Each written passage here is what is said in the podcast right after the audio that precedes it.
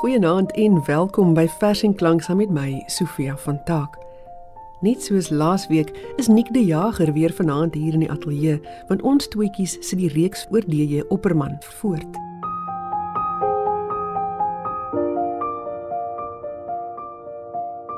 Indien jy die eerste aflewering misgeloop het, die potgooi daarvan is op RSG se webwerf.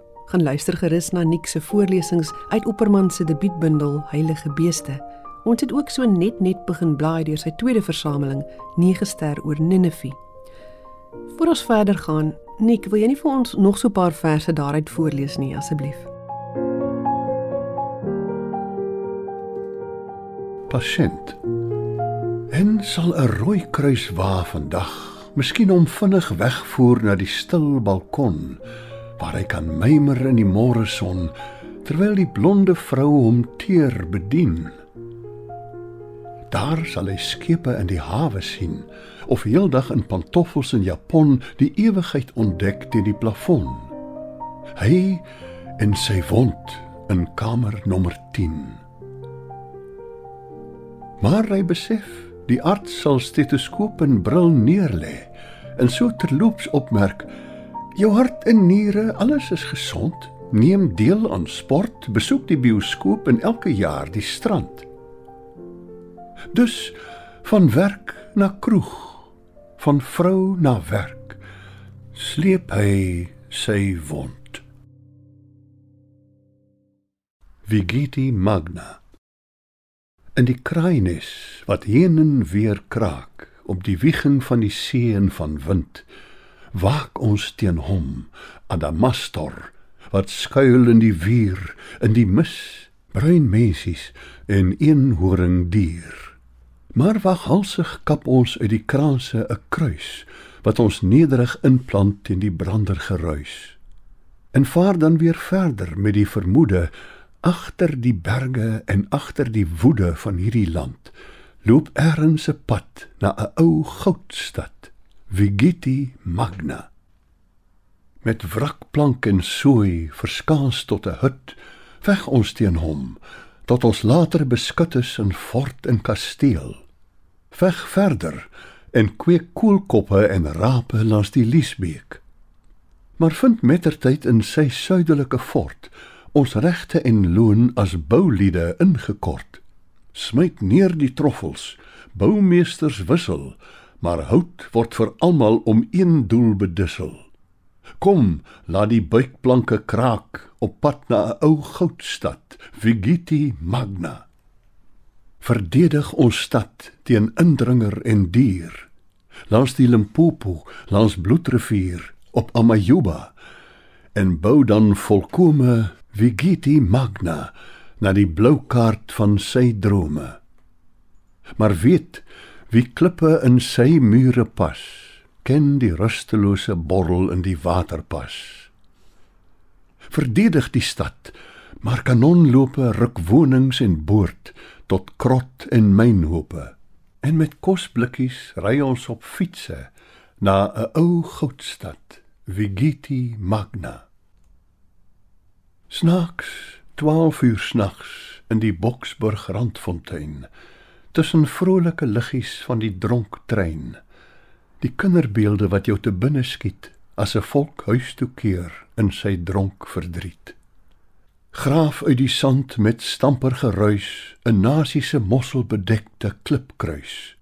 En sak dan maar dieper met die vermoede onder myn hope en onder die woede van hierdie aarde loop erns 'n skag na 'n ou goudstad Vigiti Magna. Een van Opperman se bekendste gedigte Belade van die Grysland verskyn ook in 9 ster oor Ninive Die gedig vertel van die materialistiese aanloklikheid van die lewe in die groot stad en die uitwerking wat dit op 'n mens se gees en op jou morele kompas kan hê. Dit het sy oorsprong in 'n tragiese insident in die Opperman familie. Een van Dirk se broers, Louis, het 'n baie swierige lewe gelei en om die leefstyl te befonds, het hy binne 'n jaar 'n bedrag geld van meer as 1000 pond by sy werk verduister. Op die ou einde het sy gewete hom gery en Louis het homself aan die polisie gaan oorgee. Hy is verhoor en vir 'n paar jaar tronk toe. Die verdriet wat dit vir Dirk veroorsaak het, is duidelik hoorbaar in uittreksels uit belade van die Grysland wat Nick nou vir ons voorlees. Na tuine van die nag waar neonligte blom, het ek met haar gevlug, maar by my was die vrees die rekenmeester kom. Bo na die sterre, soos die groot wiel van sterre na die aarde, duisel elke vrou my siel. Bioskoop en dans, draak en die visant, dra ons op die malle meul nagliks na 'n veeland. 'n penny slotmasjien se kake spoeg 'n kaartjie na my uit. Wees veral versigtig met geldsake. O, die vrees. As die rekenmeester kom, hoe sal ek kan verantwoord en verslag gee van sy eiendom? Die dag breek grou. Op tafelblad, links in my smalle kamer, staan leë bottels in hul nat. O, week na week gebonde, 'n haas aan die ovale kring en agter my ses honde. Die hospitaal is wit gevlak en koel as die glaspypie water uit my tap. Tot ek die vrees weer voel. Smiddags groei 'n oog uit elke kwas en in die nanag gryp 'n vlermuis my daar soos 'n tros lokwarte vas. 'n Knop het in my keel gekom Die oggend toe die peerboom in die steenkool erf wit blom. O, as die rekenmeester kom, wat sal ek van sy wêreld nog kan wys aan hom? Deur tralies wat die tuin omsluit, kyk ek en my verwarde broers verlangend na die stad nog uit. Hoe deur die reën en laaste lig, krukkig soos nat voels, loop elke jas met sy gesig blinkpapier, mallemeul en wiel, 'n laphaas en ses honde om en om, die dun spul van die siel. Op hierdie stadium woon die oppermans al 'n rukkie in Kaapstad en hulle eersteling, Trinke, het 'n sussie bygekry. Hulle noem die babietjie Heila. In 1949 aanvaar Dirk Opperman 'n pos as lektor in Afrikaans-Nederlands aan die Universiteit van Kaapstad.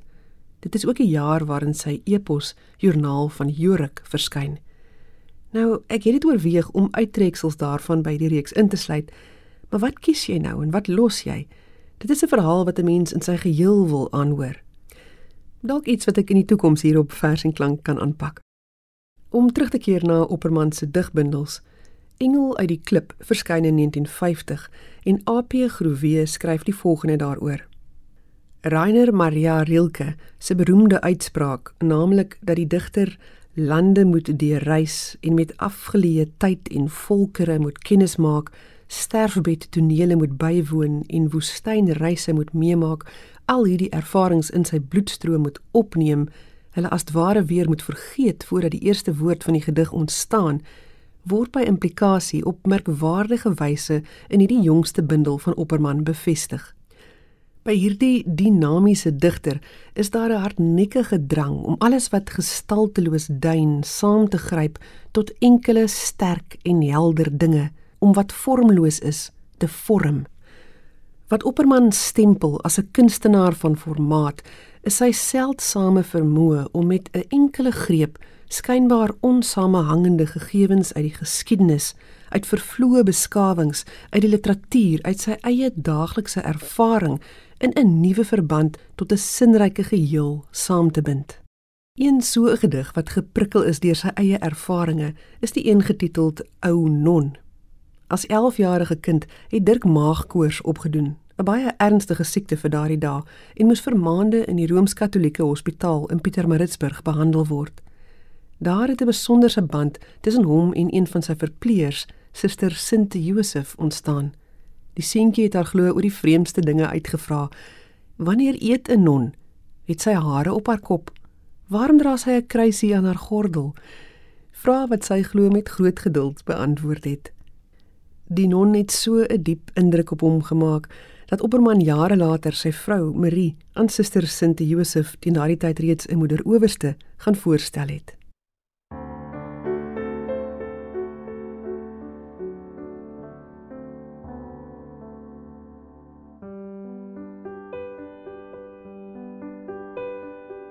Ek het as meisie kaalvoet in 'n moerbeiboom van tak tot tak geklim.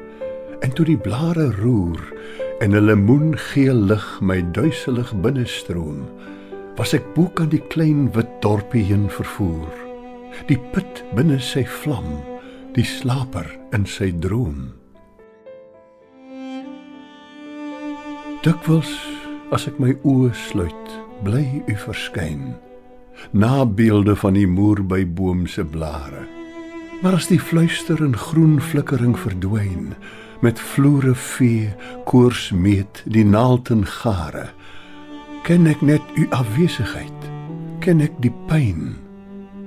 Hoe kan die pikkewyntjies, die jong bende, ooit verstaan dat hierdie koors wat my deurstuur en duiselig afsluit in die onbekende vuur van blare en die sluimering in u veel meer is as die branding van my lende.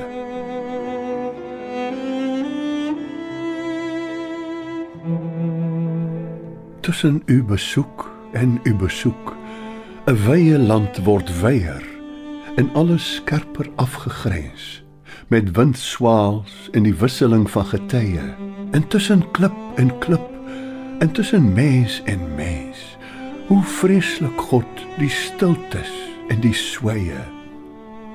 Hoe laat ek tak na tak weer styg in so 'n droom wat kruin in u heelal. Ook die twyfel Heer verjaar. Kom nog eens met u lig. Breek nog eens deur my skroom. Ek is geen meisie meer. Herken 'n blaar as blaar. Die flikkering van u ligkolom as moer by boom.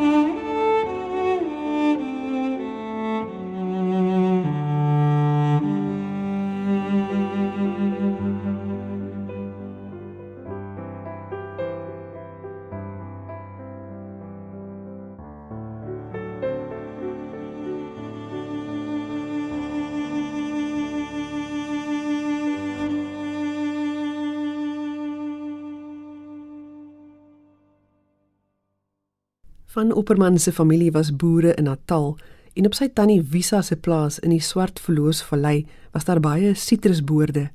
Van sy een ouma grootjie onthou hy weer melkterte met kaneel. Sproeireën. My nooi is in 'n nartjie. My ouma in kaneel. Daar's iemand, iemand in anys. Daar's 'n vrou in elke geur.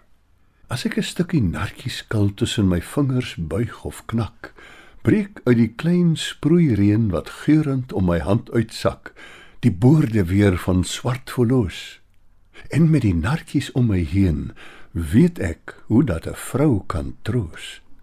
O my nooi is in 'n nartjie, my ouma in kaneel. Daar's iemand, iemand in anys. Daar's 'n vrou in elke geur. Een van die dinge waarmee Opperman homself hier rondom die laat 1940s, vroeë 1950s besig gehou het, was die samestelling van bloemlesings uit die Afrikaanse poësie. En in 1951 verskyn die junior verseboek, senior verseboek en groot verseboek. 3 jaar later verskyn nog so 'n bundel, Lied van die land, met gedigte wat Suid-Afrika se natuurskoon beskryf. Tussendeur het hy ook sy doktersteses getiteld Die vernuwing van 30 in die Afrikaanse poësie geskryf. Die sou later in boekvorm as 'n naslaanbron uitgegee word onder die titel Digters van 30. Die volgende gedig wat Nick voorlees, ons is nog steeds doenig met Engel uit die klip, het Opperman geskryf nadat hy die Anglo-Boereoorlog rebel Gideon Skeepers se dagboek gelees het.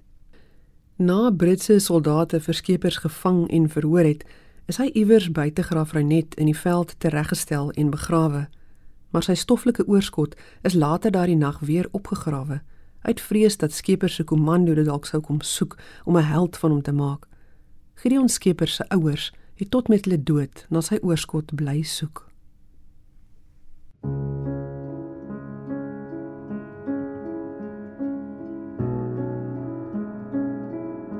Gebed om die gebeente. Heer, waar u noordewind die droë dussel rol en oor die skurwe brakland jaag van Afrika, maar eindelik teen 'n doringdraad met pluksels wol vaswaai, terwyl die kraaie en die aasvoëls kla. Laat my ook na die swerf oor vlaktes heen nou rus en glo my kind is dood. Al hoor ek die berigte om my kruis. Ek het hom as matroos hier aan die kus. As stoker op 'n trein. Ek en val geel ligte van 'n steenkooldorp se kroeg nog nou die dag gesien. Glo omgekoop. Of sou hy skielik blink gesteente smokkel? Blink gesteentes. Selfs dan. Nee. Miskien lê hy tog erns dood. Maar hier dan die gebeente wys my. Gee my die drag gebeente van my skoot dat ek nie opgejaag deur hierdie land bly swerf en soek, maar eindelik rus en weet hy het deur lood onder twee mudsak ongebluste kalk gesterf. Snags het ek soms gelê en vrees daar sou iets boos oor hierdie kind nog kom. Want in Middelburg se kerk staan duidelik in die doopregister sy geboorte nie na die stand van sy gesternte aangemerk. En soos wanneer jy tussen vinger en die duim die wit son rol en skitter in 'n diamant, sou hy deur Vrystaat en Transvaal se leiblou ruim uitspieels ons stryd laat blits en straal van rand tot rand. Maar hy moes sterf. Die dood self het hom eers gejag deur koue riviere van die Kaap dwars oor Anysberg tot in die buitekamer op 'n plaas waar hy een nag in koue sweet moes lê en aan borswater sterf. Toe 'n tweede jagter hom van tent na trein, van trein na tent met doringdraad en bajonet bewaak en met gemeete sorg van arts en medisyne vir 'n tweede dood o heer stadig gesond kon maak. En na die skyn verhoor het hulle hom vertel voor graaf Renet se sel. O graaf Renet se sel. Hy was gewone kruigerheer en geen rebel. O graaf Renet se sel.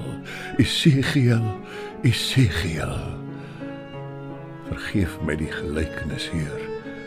Ek weet 'n hond as hy versadig is, verag die been en murg maar bær dit agter 'n bossie in die grond, behoedsaam en snuffel met die tweede honger terug.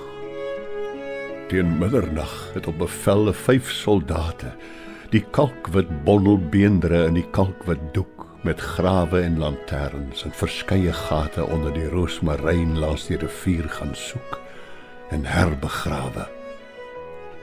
Toe u die storm word hier, Ek weet u en die vyand het die nag in die vallei deur geel geflikker en slagreëns mekaar gemeet oor wie uiteindelik my kind se lijk sou kry.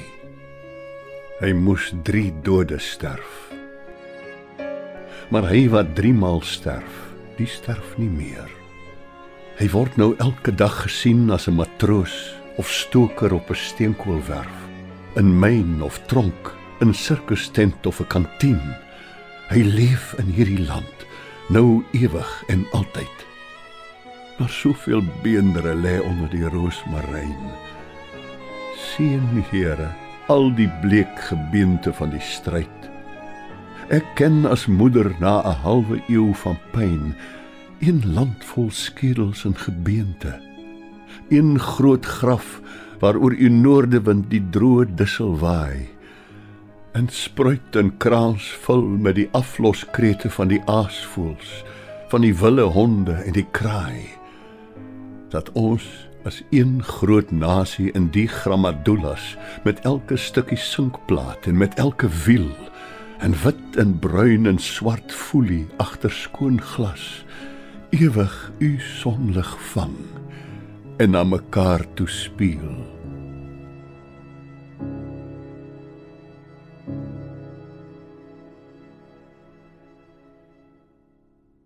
Nog 'n roerende vers uit Engel uit die klip is Clara Majola. Dis geskoei op die tragiese dood van 'n 8-jarige dogtertjie genaamd Violet Jansen wat in 1950 op die plaas Die Eike in die Witzenberg-vallei verkleim het. Clara Majola wou haar vader toe die skemersak gaan haal waar hy die blinde hout vergader. Maar Clara Majola het verdwaal. Klein Clara Majola lê verkleum in die bokkeveld se broskapok. Haar arms en bene bruin en krom getrek soos wingerdstok. Clara Majola, die koue geweld sif stadiger oor my uit die ruim. Maar nooit sal ek in die bokkeveld so warm Clara Majola soos jy verkleum. Kom ons keer eers terug na wat op hierdie stadium in DJ Opperman se lewe aan die gang is. Hy skryf twee versdramas, by die Handros van Korinte in 1954 en Vergelegen in 56. Die Oppermans se derde dogtertjie, Diderie, word gebore en Dirk se vierde digbundel, Blom en Baaierd, verskyn. Een van die gedigte uit die bundel wat met die meeste aangryp, is die een getiteld Draaiboek. Net soos in die geval van Clara Majola, het Opperman hierdie gedig geskryf nadat hy 'n doodsberig in die koerant raak gelees het. Hierdie keer was dit die selfdood van 'n seun wat weens sy donkerder velkleur nie in dieselfde skool as sy broers en susters mag gewees het nie. Draaiboek.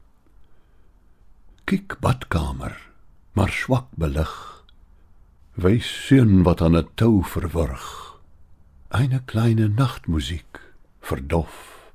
Wisselflitstonele, huis en hof. Waarom het hy die nag hom opgehang? Was daar miskien 'n nooi in die gedrang? Nee, al was my oudste in sy vleur, het hy hom in genooi gestuur. Soms raak 'n vader en sy seun oorhoop, het die hom dikwels deurgeloop. Nee, 'n ware aanspraak sonder gier, net graag alleen voor die klavier. Mevrou, kan u ons waarlik niks vertel? Ag, edelagbare, dis God se spel. Maar waarom waarom so daad verrig? Sy vel was donker, sy broers in lig. Kyk, waar vier kinders vroeg opstaan. Drie na wit en hy na bruin skool gaan. Ag Nik, dis so lekker om na jou te luister. Wil jy nie vir ons nog so 'n bietjie uit Blom en Baaierd voorlees nie asseblief? Oud digter. Die panne is nie opgedroog. Die spoor van die groot wild het ek 'n rukkie net verloor en leef intussen van die enkel reël wat springend ritsel om die oog en oor. Daar bly die bose vuurtjie wat ek mos kan stook en vla reën lok as die gifpot kook. Maar uit die pot spring net 'n dwarrelwind en daagliks word ek doller van wille daggarook. Doller dan sterker as die jonger is gespier, sien ek wat hulle nie kan sien. Die koel rivier, die gemsbok en reënvoël opgiefselend oor my Kalaharis wit papier. Ons groet vanaand met nog 'n baie bekende opperman vers, sy Kersliedjie Volgende Dinsdag aand is ek uniek weer terug met 'n derde en laaste program oor DJ Opperman. Tot dan, 'n mooi week vir jou. Drie outas het in die Haai Karoo die ster gesien en die engel geglo. Hul kieries in drie bondels gevat en aangestryk met 'n jakkalspad. Al agter die ding wat skuivend skyn op 'n plakkie, 'n klip, 'n syferfontein oor die sink en die sak van distrik 6 waar 'n kersie brand in 'n stikkende fles. En daar tussen esels en makreel die krib gesien en neergekniel. Die skaapvet, eiers en biltong nederig gelê voor God se klong. En die Here gedank in gesang en gebed vir 'n kindjie wat ook die volk sou red.